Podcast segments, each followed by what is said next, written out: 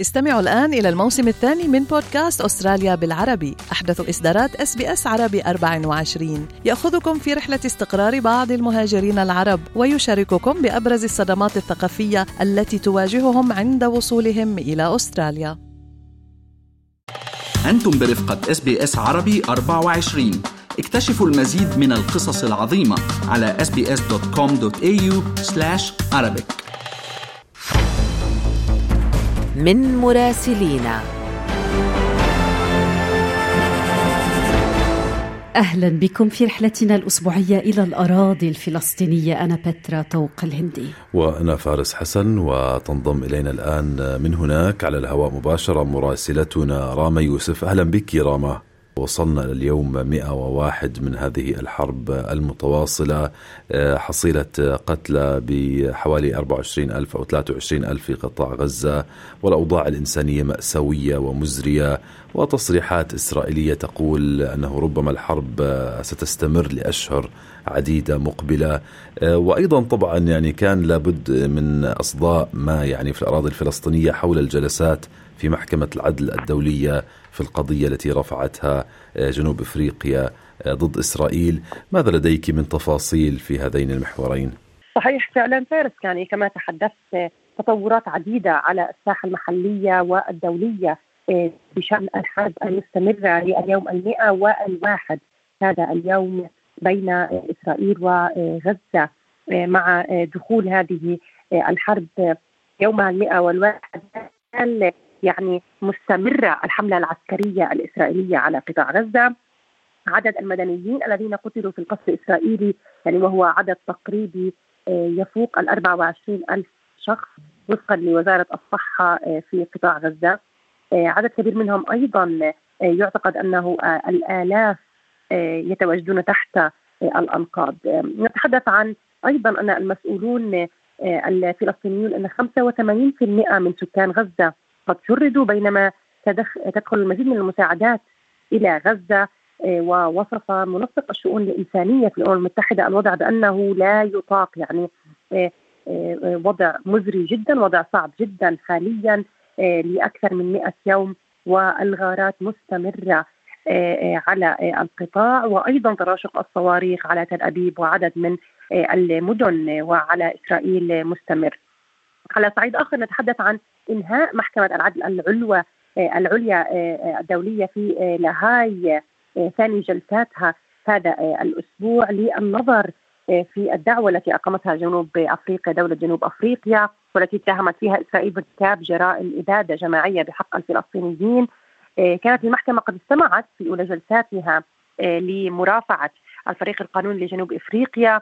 ركز على أن أفعال إسرائيل وتوجيهها بأنها تقصير وتعتبر انها ذات طابع إبادة جماعية وترتكب بالقصد المطلوب لتدمير الفلسطينيين وطالبوا أيضا بإدانة إسرائيل بجريمة إبادة جماعية، أيضا الجلسة الجلسة الثانية جلسة الاستماع التي كانت للفريق الإسرائيلي طالبوا بإسقاط تهمة الإبادة الجماعية بدعوى أن محكمة العدل الدولية غير مختصة بموجب اتفاقية الإبادة الجماعية. تعد هذه المرة الأولى التي تقبل فيها إسرائيل طبعا المثول أمام محكمة العدل الدولية بعد أن رفضت عام 2004 حدود جلسات استماع آه، بشأن الجدار آه، العازل. يعني نتحدث عن قضية آه، دولية عالمية كبيرة جدا تطرح حاليا. ننتظر خلال الأسابيع القادمة هذا القرار وأيضا الحرب التي ما زالت مستمرة حاليا لتخلف آثار إنسانية فعلا صعبة جدا.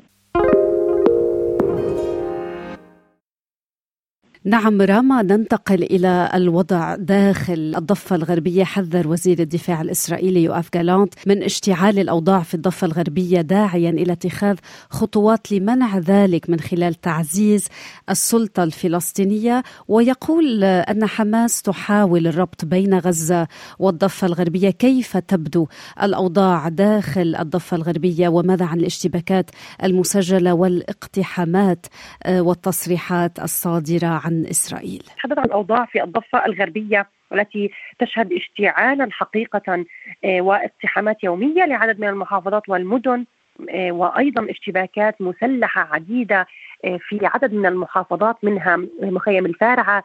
شهدناه هذا الأسبوع. أيضا طول كرم نابلس جنين رام الله والخليل كان آخرها في عملية إطلاق نار في قرب مستوطنة في الخليل قتل خلالها ثلاث فلسطينيين هم منفذو هذه العملية المسلحين وجرح جندي إسرائيلي فيما أطلق عليه هجوم مسلح قرب المنطقة الصناعية في الخليل، يعني الجهات الرسمية حذرت من حرب مشتعلة في الضفة الغربية إذا لم يتم احتواء ما يجري منها تصريح وزير الأمن الإسرائيلي يوآف جالانت الذي حذر من تصعيد الأوضاع الأمنية في الضفة الغربية. على خلفية الحرب في قطاع غزة. كذلك في ظل سياسات الحكومة الإسرائيلية والتي تمنع إدخال عمال من الضفة الغربية للعمل في إسرائيل وهو أمر يراكم ويفاقم المشكلة الاقتصادية التي يعاني منها الفلسطينيين فعليا ناهيك عن حجب أموال المقاصة عن السلطة الفلسطينية، أيضا في أعقاب تقييم الوضع الأمني الذي أجراه جلد في الضفة الغربية بحسب ما جاء في بيان صدر عن وزارة الأمن الإسرائيلية تحدث إن وجود سلطة فلسطينية قوية هي مصلحة أمنية إسرائيلية في الدرجة الأولى وأكد على ضرورة الحذر من أن تؤدي الحرب إلى تصاعد العمليات العمليات المسلحة تحديدا ضد القوات الإسرائيلية في جميع أنحاء الضفة الغربية. نعم رام من الضفة الغربية إلى إسرائيل حيث على ما يبدو حسب تقارير هناك خلافات في صفوف الحكومة الإسرائيلية داخل مجلس الحرب تحديدا طالعنا تقارير عن مغادرة جالنت لإحدى الاجتماعات بعد أن رفض دخول مدير مكتبه. التظاهرات أيضا عصفت بمدن إسرائيلية منها تل أبيب يعني حيث خرج عشرات الألاف إلى الشوارع مطالبين الحكومة بعقد صفقة لتبادل الأسرى واستعادة المحتجزين في القطاع. كيف تقرأين المشهد من إسرائيل؟ فعلا كما تحدثت خلافات حقيقية في مجلس الحرب. الحكومة اليوم تصارع عدد كبير من الخلافات والمشكلات الداخلية. مشادات كلامية حدثت حقيقة هذا الأسبوع وعدد من التصريحات المتناقضة للحكومة الإسرائيلية ناهيك عن تقليصات اقتصادية مالية وتضييقات مالية تلوح في الأفق يهدد بها بعض الوزراء وبعض المقربين من الحكومة. ستستمر لعدة شهور ومن المؤكد أن العام المقبل كما تحدث عدد من الخبراء أنه سيكون العام الأصعب اقتصاديا في ظل استنزاف حقيقي للموارد وللمواد وتقليصات في الحكومة، أيضا في ظل ذلك هناك تظاهرات كبرى تنظم من قبل عائلات الأسرى الإسرائيليين المحتجزين في قطاع غزة، المئات من الإسرائيليين تظاهروا يوم أمس تحديدا قبالة وزارة الدفاع في تل أبيب ليشكلوا ضغط على الحكومة الإسرائيلية لاستئناف المفاوضات واستعادة أبنائهم. تتوافق هذه المسيرة أو المظاهرة مع عدة دعوات للاضراب الشامل ولكافة مناحي الحياة وتصعيد من الاحتجاج بالاخص بعد مرور 101 يوم على احتجاز هؤلاء الأسرى في قطاع غزة والأهالي طالبوا بإقالة نتنياهو تفكيك الحكومة الذهاب لانتخابات مبكرة وأيضا المطالبات الأساسية كانت بإخراج أو تحرير المحتجزين ووقف إطلاق النار الفوري الذي يستنزف الحكومة ويستنزف أيضا أهالي الأسرى المتواجدين في قطاع غزة. هذه التظاهرة تأتي ضمن مظاهرات متفرقة في البلاد تجوب عدد كبير من المدن تطالب الحكومة بوقف هذا الاستنزاف ووقف كلي لاطلاق النار أو الحرب الدائرة، يعني المواطن يتحدث عن أنها ستتحمل هذه الحكومة المشكلات الاقتصادية السياسية والاجتماعية التي ستخرج من كل ما يجري لأكثر من 100 يوم على التوالي، أيضا تحدثوا يوم أمس عن صراع في الحكومة حول قرارات بالقبول بمقترح تم رصده من قبل قطر ومن قبل مصر. لم يتم الحديث عنه بإسهاب ولكن نترقب في الأيام القليلة القادمة خروج المخرجات من هذا المقترح القطري على أمل أن يتم الوفاق عليه من قبل كل الأطراف ويتم فيه وقف إطلاق النار واخراج أو حتى تحرير الأسرى الإسرائيليين من قطاع غزة. من الأراضي الفلسطينية إذا تحدثنا مع مراسلتنا راما يوسف، شكرا جزيلا لك راما.